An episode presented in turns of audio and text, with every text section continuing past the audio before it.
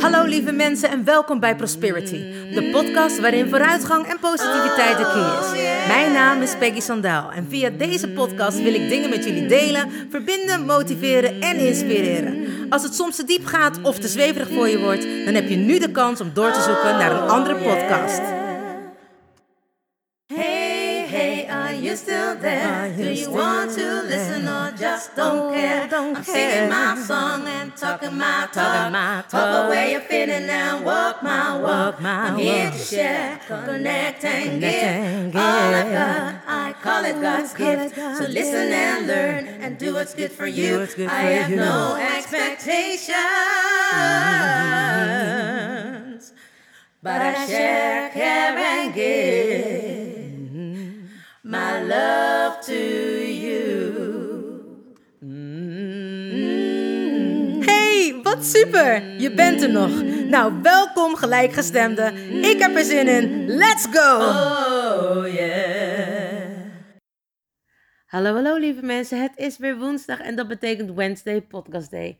Wat fijn dat jullie er weer zijn. Wat fijn dat jullie weer luisteren bij alweer de 34e aflevering van Prosperity. Nou, ik heb er helemaal zin in en ik heb eigenlijk heel veel dingen die ik wilde vertellen. En jullie weten, ik ga altijd van de hak op de tak.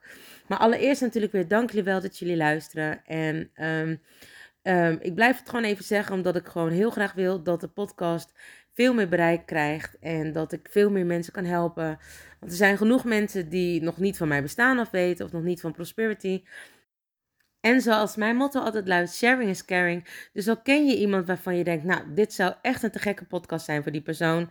Deel hem dan natuurlijk met die persoon, want dat geeft alleen maar weer meer reuring in de wereld. Zodat de mensen allemaal geholpen kunnen worden. Zodat mensen allemaal een beter bewustzijn krijgen en we met z'n allen een mooiere wereld creëren.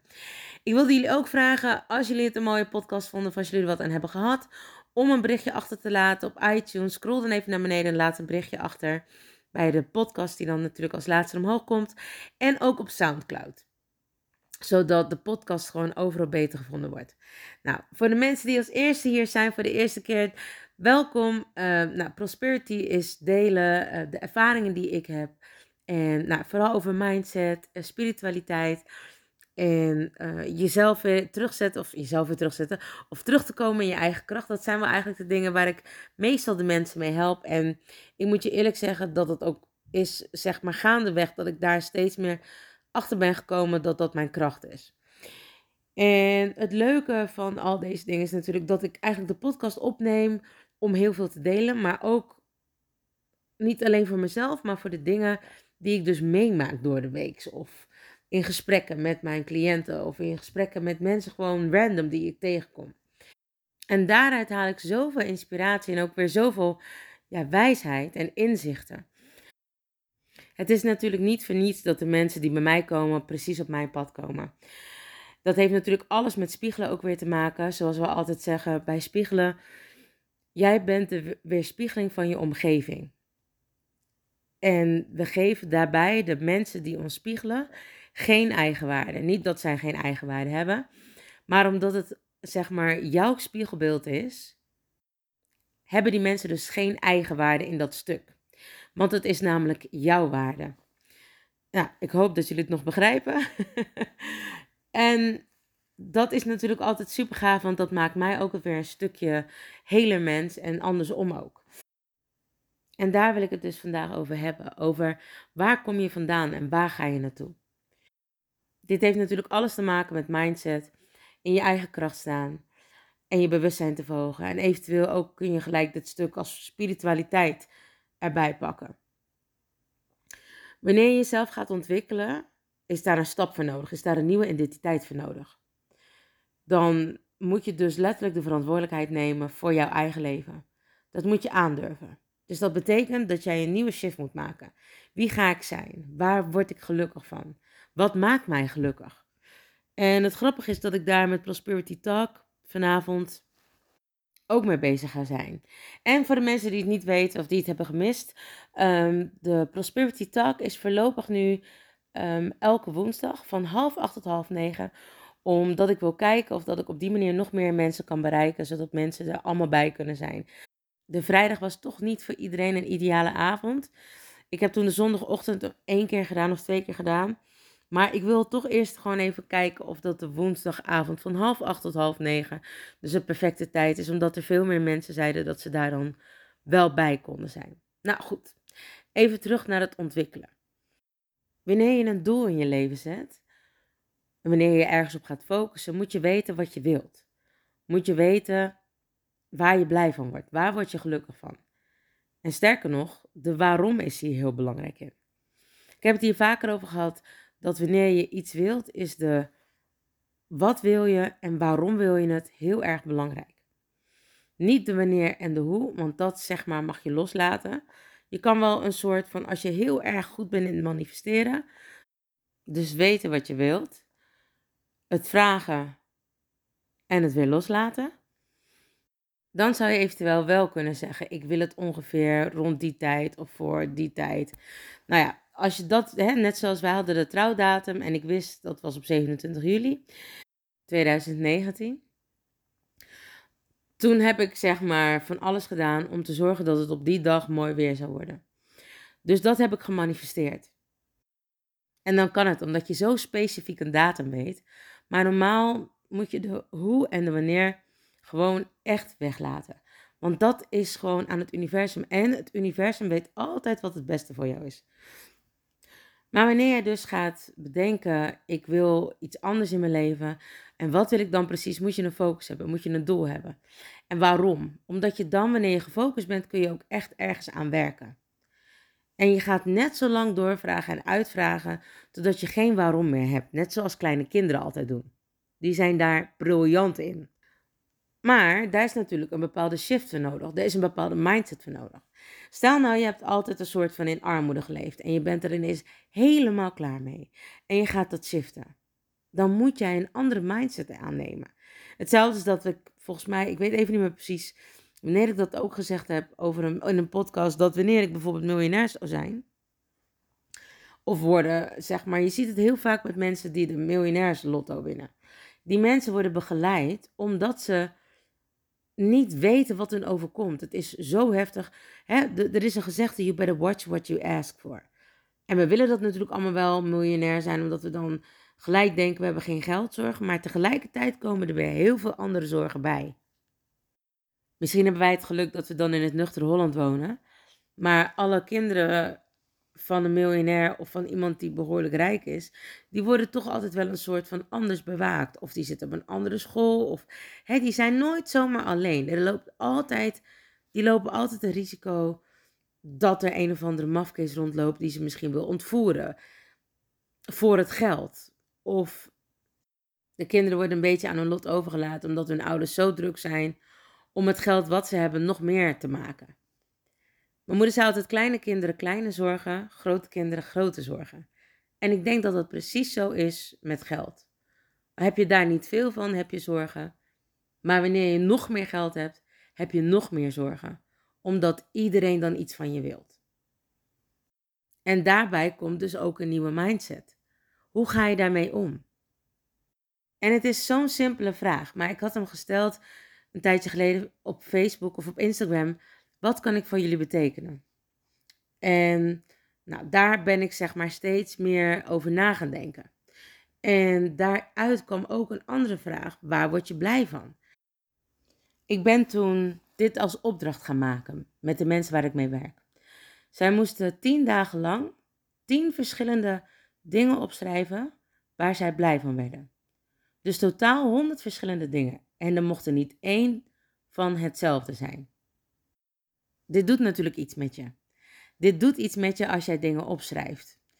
En het leuke is dat ik dat nu natuurlijk niet ga bespreken. Want als je het interessant vindt, zou ik je echt eens aanraden wat het met je doet. Het mooie is ook dat mensen alleen maar hele grote dingen op gingen schrijven waar ze blij van werden. En dat ze niet meer de kleine dingen in het begin konden zien. Dus daar ging ik ze mee helpen. En denk daarbij ook, wie het kleine niet eert, is het grote niet weert.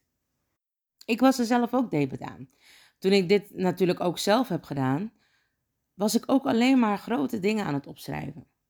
Totdat ik heel goed ging nadenken en dat er echt wel Nou ja, bijvoorbeeld met mijn knie, dat ik uh, op krukken heb gelopen en zelfs bijna zes weken in een rolstoel heb gezeten. Dat ik zo niet mobiel was. Dan pas begin je te beseffen hoe dankbaar je kan zijn dat je weer kan lopen, dat je weer gezond bent, dat je gewoon vitaal bent, dat je überhaupt kan praten, dat je kan zitten zonder dat je pijn hebt. Want ik kon eigenlijk alleen maar half liggen. Ik kon niet zitten en ik kon niet liggen. En dat zijn allemaal van die dingen die je normaal niet beseft wanneer je gezond bent. Dus hè, dat je je vetus gewoon kan strikken. Dat je je jas zelf aan kan trekken. Het zijn zulke simpele dingen waar je niet bij stilstaat. Maar deze simpele dingen zijn zo van belang. Nou ja, en ik hoef het eigenlijk nog niet eens meer hardop te zeggen. Maar ik denk wanneer je dit alleen al gaat doen, of hè, nu ik het al zo een beetje vertelde, dat je heel goed begrijpt waar dit naartoe gaat. Waar dit toe kan leiden. Maar wanneer jij dit dus doet, stuit dat echt vaak op weerstand bij mensen. Dus met andere woorden, wanneer jij ineens een soort van diva positiva gaat zijn, wanneer jij een switch maakt om de verantwoordelijkheid voor jezelf te nemen en voor alles wat er in jouw leven gebeurt, hebben mensen ineens zoiets van, hmm, wat ben je veranderd? Of doe mij maar de oude versie van jou hoor, vond ik veel leuker. Ik vind je nu wel heel erg positief hey, je doet nu wel zo positief, maar ben je dit ook echt? Ik geloof het allemaal niet zo wat je aan het doen bent. Misschien moet je zelf nog wakker worden, maar ik vind je nu echt niet meer echt. En dat is toch echt bijzonder wanneer deze mensen ineens volledig hunzelf durven te zijn. Ineens echt durven te zijn wie ze altijd al hebben willen zijn. En dat mensen om hen heen ineens zeggen: Ja, maar je bent toch niet echt wie je nu bent. Je doet nu misschien zo, maar je krijgt dadelijk vast een terugval. Uh -uh. Daar gaan we natuurlijk 100% voor zorgen dat dat niet gaat gebeuren. Het zegt natuurlijk heel veel over de persoon die dat op dat moment tegen jou zegt. En dan kom ik gelijk weer terug op de vraag: waar word jij nou blij van? Is dat om andere mensen gelukkig te maken? Of is dat om jezelf gelukkig te maken? Of weet je niet hoe het is om gelukkig te zijn? En negeer je dat dan altijd maar? Ben je maar gewoon bezig voor anderen, zodat je niet zelf hoeft te voelen wat je nou eigenlijk precies voelt. Want hoeveel mensen durven nou echt te zeggen: Ja, ik ben gelukkig? Hoeveel mensen durven echt te zeggen hoe ze zich voelen? Of wat ze nodig hebben? Het is zo mooi hè, dat heel veel mensen niet bij andere mensen durven aankloppen met: Ja, ik heb eigenlijk dit van je nodig. En ja, ik zeg het hardop. Ik heb me hier zelf ook schuldig aan gemaakt. Maar het is toch grappig, hè? Dat wanneer je klein bent, je eigenlijk alles toelaat. Je moet een schone luier, hoppatee, de babydoekjes komen erbij. Je doet je beentjes wijd en het poep wat overal tussen de kieren van die kleine lekkere dikke billetjes zitten. Nou, dat zit niet alleen maar achter, maar dat zit soms helemaal overal tussendoor en omheen en aan. En we doen die beentjes open en we laten onszelf gewoon helemaal pamperen. Maar nu we ouder zijn, ja, en ik snap, we doen het niet meer in ons broek. Maar we hebben af en toe allemaal wel eens hulp nodig. En we zijn, nu we ouder zijn, zoveel banger om ons te laten pamperen. Want vinden we het onszelf wel waard? Dat zijn altijd gelijk de vragen die mensen bij zichzelf gaan stellen. Ja, ben ik het wel waard? Ja, ik moet het alleen kunnen, anders ben ik een watje. Ja, als ik het niet zelf doe, dan doe ik het nooit meer. Ja, uh, hoe is het? Ik ben onderhand wel zelfstandig. Allemaal bullshit excuses om maar niet geholpen te hoeven worden. Sterker nog, om eigenlijk niet te kunnen ontvangen. Ik weet het, ik ben ook een gever. Dus dan is ontvangen soms best moeilijk. Maar door de loop van de jaren heb ik het toch echt geleerd om zeker te ontvangen. Daarentegen vind ik nemen nog steeds een beetje moeilijk. Maar ja, wanneer doe je dat? Wanneer je echt je grenzen aangeeft en vindt dat je misschien ergens recht op hebt. Dan denk ik dat we eerder geneigd zijn om dingen te nemen. ook hier heb je dus natuurlijk weer die focus nodig om zo weer bij dat doel te komen, waardoor je blijft doorgaan. Dat je niet stopt omdat je bang bent dat je het überhaupt niet zou halen. Je faalt pas wanneer je stopt met door te gaan. Alle mensen die iets hebben bereikt in hun leven, zijn de mensen die gewoon niet gestopt zijn met stoppen. Die zijn gewoon door blijven gaan. Elke keer als het weer mislukte, waren zij volhardender om door te gaan. Wanneer je iets wilt en het lukt de eerste keer niet, is je eerste ja dichterbij. Met andere woorden, blijf doorgaan. Vaak is het ook zo, wanneer je echt bijna wil stoppen met iets, wanneer je bijna wilt opgeven, dan juist moet je nog even doorgaan, want dan ben je zo dichtbij bij het doorbreken. Er zijn allemaal van die plaatjes van dat je een man ziet en die wil dan uh, zichzelf uitgraven en echt, nou ja, twee, twee centimeter opdat hij zich uitgraaft, stopt hij ermee, geeft hij op. En zie je erbij staan, ja, als hij niet had opgegeven, had hij eruit gekomen. Ik denk dat iedereen wel een moment heeft van dit is wat ik wilde doen. En dat je voordat je het überhaupt bereikt hebt, je wilt stoppen. En waarom is het? Omdat je er zat van bent, omdat je ego je in de weg zit, omdat je het niet durft, dat je bang bent om te falen. Again, je faalt alleen maar wanneer je stopt met doorzetten. Elke keer wanneer iets niet lukt, ben jij dichter bij je oplossing. Ben je dichter bij je ja. Ben je dichterbij met wat je eigenlijk wilde. In mijn vak als artiest heb ik dit natuurlijk heel vaak meegemaakt. Heb ik zo vaak auditie moeten doen. En het is heel grappig. Toen ik jonger was, was ik veel meer gefocust. Wist ik dat ik dingen kon krijgen. Wist ik dat ik dingen zou halen. Voelde ik het. Er was gewoon, I didn't take no for an answer. Ik was met uh, twee vrienden van mij naar Amerika gegaan. En daar zagen we Aida. Aida the musical. En ik zag Heather Hadley en ik was helemaal verkocht. Ik dacht, dit is de show die ik wil gaan doen. Ik wist het, ik voelde het. Ik dacht, en ik zei het. En wat ik wel vaker zeg, als je iets wil bereiken, moet je het voelen. Heb je eerst die focus nodig, dan moet je het voelen. Dan ga je het doen en dan zul je het krijgen. Ik zat daar en ik zei het hardop. En dat was natuurlijk me eer te na om het dan niet te hebben. Maar eigenlijk was ik al lang weer vergeten dat ik dit gezegd had. En een van die vrienden die was komen kijken en die zei: Ik weet nog hoor, dat je het zei. En ik dacht: Tuurlijk. En ze zei: Je hebt het gewoon geflikt. Je hebt het gewoon gedaan. Je speelt gewoon Aida. Ik was naar Hepka. En ik was anders dan Aida en ik ben 7,5 keer opgegaan. Ja, een halve keer, omdat een keer een van de alternates voor de, helft, voor de tweede helft uitviel.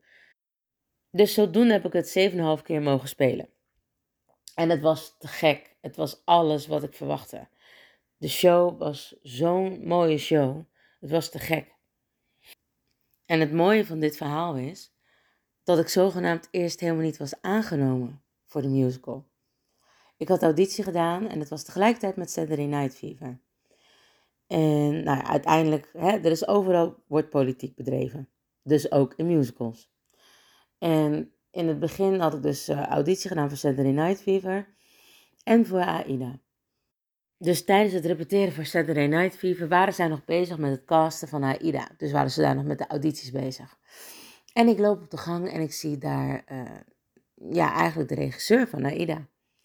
En hij vraagt aan mij, allemaal in het Engels, maar ik zal het even in het Nederlands doen.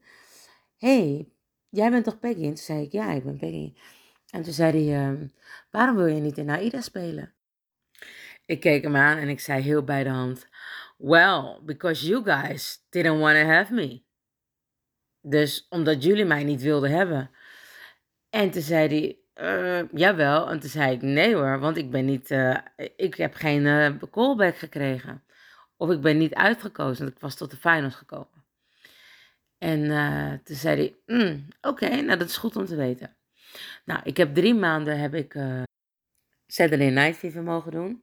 En toen de première voorbij was, want dat is natuurlijk het belangrijkste voor de musical, voor de show, de première, want daar komt al de pers op af en dat, hè, dat, dat maakt of breekt een show. En nou, ik had een, uh, toen was ik, liep ik nog stage zelfs. En ik was Black Couple, dus een van de weinige donkere, uh, donkere danseressen als die een future had.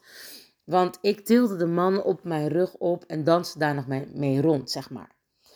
En, um, en ik had allemaal kleine andere stukjes te doen. Dus ik was behoorlijk laten we zeggen, aanwezig.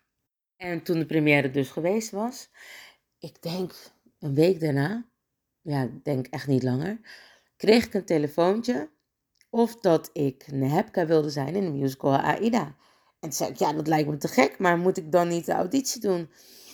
Ehm, nee, dat was al geregeld. Want ik was dus blijkbaar al gecast. Maar ze lieten mij niet gaan.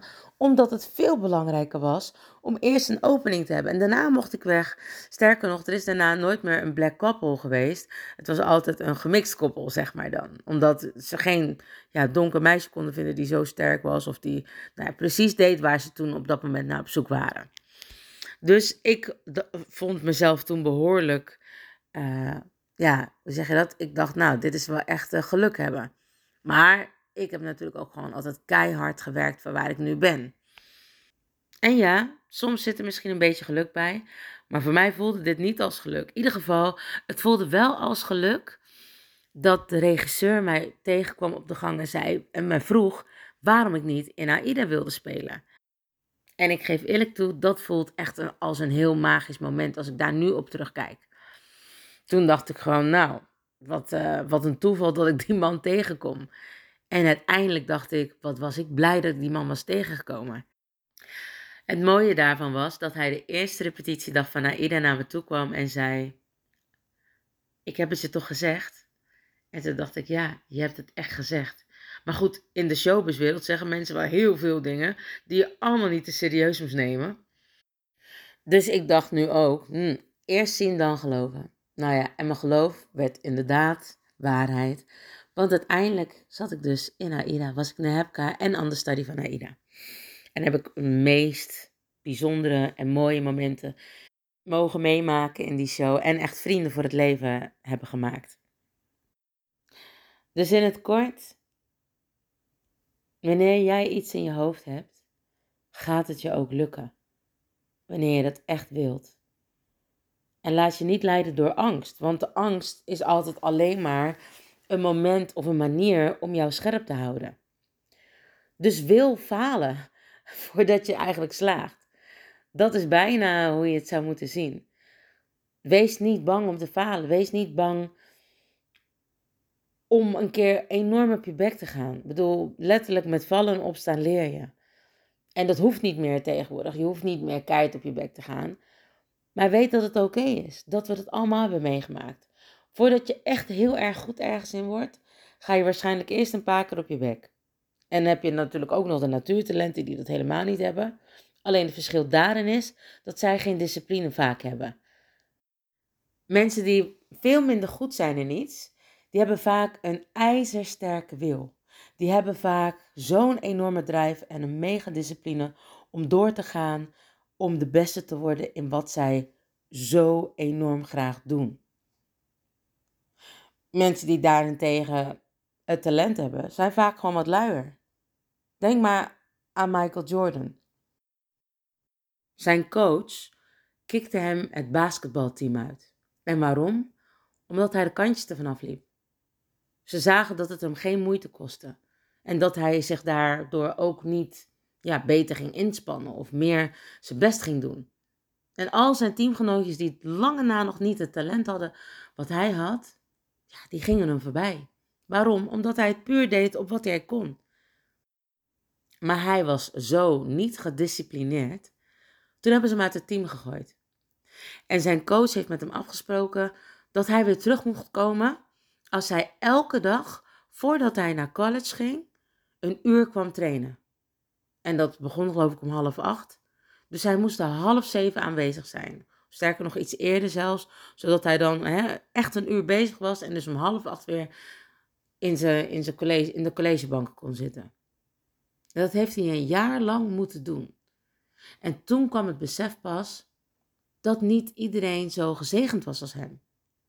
Toen pas wist hij dat hij niet alles uit het leven haalde van zijn talent. En ik had van het weekend een heel mooi gesprek. En ik heb dat vaker, hè, dat wanneer ik over dingen nadenk, of wanneer me iets dwars zit, of wanneer ik nou, gewoon vraagstukken heb, zeg maar, vraagstukken van het leven. Ik had vroeger altijd mijn vader om mee te praten. Mijn vader was voor mij echt een wijze man. En het lijkt wel of dat er soms dan, nou ja, engelen op je pad komen. Of mensen die dan echt, ja, waar de engelen doorheen praten. En dat het ineens zo heftig binnenkomt. En dat had ik ook afgelopen weekend met mijn, uh, met mijn schoonzus. En we hadden het ergens over. En zij zei zo mooi. Ja, weet je, want ik had het over keuzes maken. Ik zei van ja, maar ik weet zeker dat er nog een keer een keuze in mijn leven komt. En stel dat ik kinderen heb of een gezin heb. En in de business waarin ik zit, moeten soms gewoon harde keuzes gemaakt worden. Waaronder ook soms je gezin kan leiden. En ze was heel rustig en toen zei ze iets heel moois. En ze zei, weet je Pek, ik eh, begeleid mensen heel vaak op hun sterfbed. En dan heb je toch een intensieve band met hun. En dat, is, dat hebben wij ook, maar dat is anders. Dat is een andere band waarin mensen je op een andere manier in vertrouwen nemen. Want ze hebben eigenlijk niemand anders dan alleen maar ja, hun, hun zeggen dat, hun mentor of hun begeleider. Of, nou ja. En toen zei ze, en het mooie is dat die mensen mij allemaal vertellen op het einde, wat heel intiem is, vertellen ze me allemaal wat ze hebben gedaan. Allemaal mooie herinneringen, allemaal mooie belevingen. En er is niemand die zegt: Ik heb zo'n moeilijke keuze moeten maken met mijn werk en daardoor mijn gezin moeten achterlaten. En toen zei ze: Wees maar niet bang.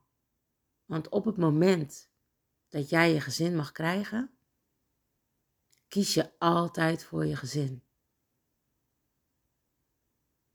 En toen dacht ik: Wauw, het lijkt wel of dat ik mijn vader hoor praten.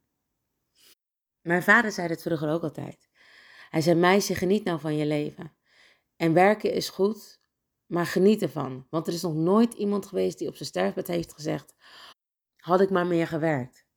Nee, zegt hij. Ze zeggen altijd, had ik maar meer genoten. Met andere woorden, dat ze veel te veel in hun werk opgingen en niet beseften dat het zo belangrijk was om mooie herinneringen te maken. Dus mijn vader kende het andersom. Maar het is ook logisch, want vanuit die tijd, de oude generatie, want mijn vader is nou, nu inmiddels uh, drie jaar overleden. En die is 84 geworden. Zijn generatie was een keiharde werkgeneratie. Die kwamen uit de oorlog, die moesten Nederland weer opnieuw opbouwen. Dus er was geen tijd om te genieten. Dat was een tijd van overleven. En dat is heel anders dan nu. Nu leven wij. Maar sommige mensen overleven nog steeds. Sommige mensen leven niet hun mooiste leven. En dat komt omdat ze alleen maar in angst leven. Of dat komt omdat ze bang zijn om te falen. Dus gewoon inderdaad ook daarin een angst hebben om te gaan. Bang zijn dat ze vallen. Lekker boeiend als je valt. En als je dan wel valt, zijn er mensen die twee dingen kunnen zeggen. Ik val liever op mijn rug. Want als ik met mijn rug op mijn rug val, dan kijk ik omhoog en weet ik ook zeker dat ik weer omhoog kan komen. Andere mensen zeggen, wanneer ik val, dan val ik liever op mijn gezicht, zodat ik weet dat ik weer op mezelf weer kan opdrukken en op kan staan.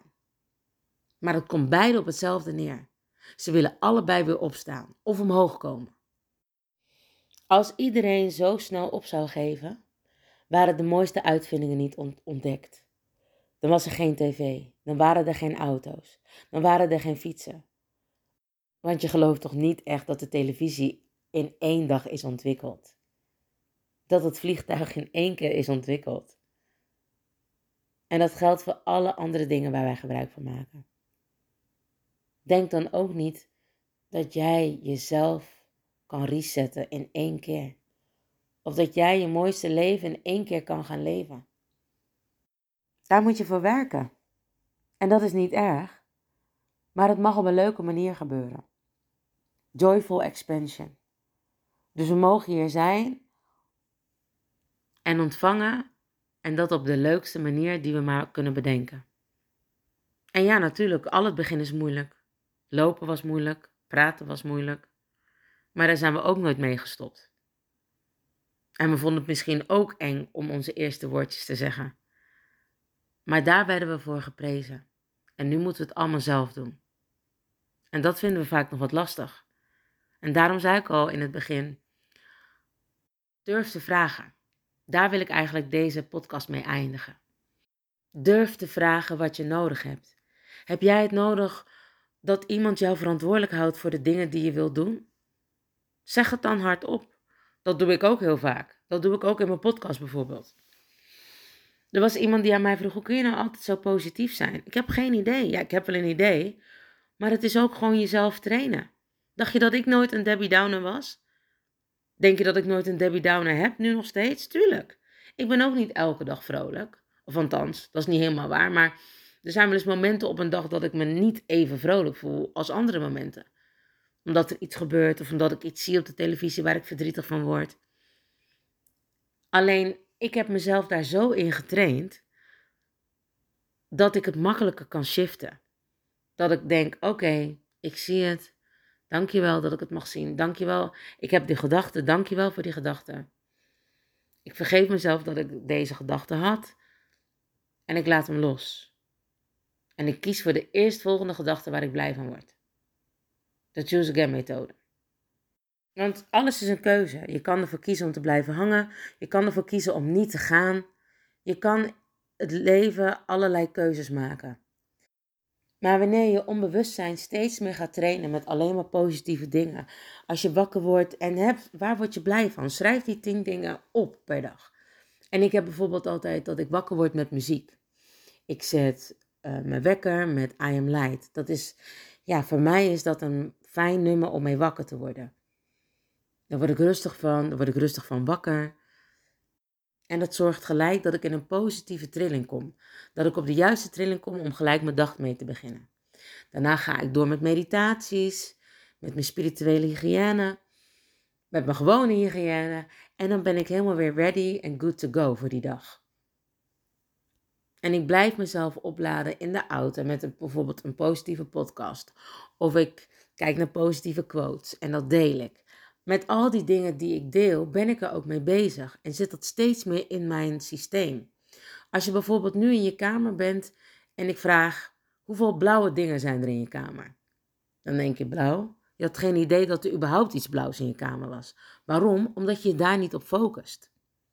Wanneer jij niet focust op positief, op je gedachten positief te maken, dan, ga, dan ben je daar niet mee bezig. Dan krijg je onbewust alleen maar troep naar binnen. En wanneer jij nu gaat zeggen tegen jezelf: Ja, ik ga mezelf voeden met alleen maar positieve gedachten, dan komen er ook positieve gedachten alleen maar naar voren. Dan zie je alles anders. Doe dat bijvoorbeeld ook met alleen maar te proberen een positief vocabulaire te hebben. Waarbij ik woorden zoals angst of eng of ik ben bang vervang door I'm so excited. En dat maakt gelijk de lading anders. Want I'm so excited. Nou, ik denk dan gelijk aan het liedje. I'm so excited. En daar word ik helemaal blij van. Dus ik probeer dat al de hele tijd ook op die manier te doen. En nou, er zijn nog veel meer woorden die je natuurlijk kan gebruiken of vervangen. Wat dan alleen maar een positieve lading geeft en een positieve vibratie uitzendt. Dit zijn een paar van die manieren om te zorgen dat je heel anders in het leven kan gaan staan. En dat je je niet continu afvraagt: waarom gebeurt mij dat? Vraag jezelf eerder af: wat kan ik ervan leren? Of anders, waarom zou het mij niet overkomen? Zou je anders letterlijk het aan iemand anders gunnen?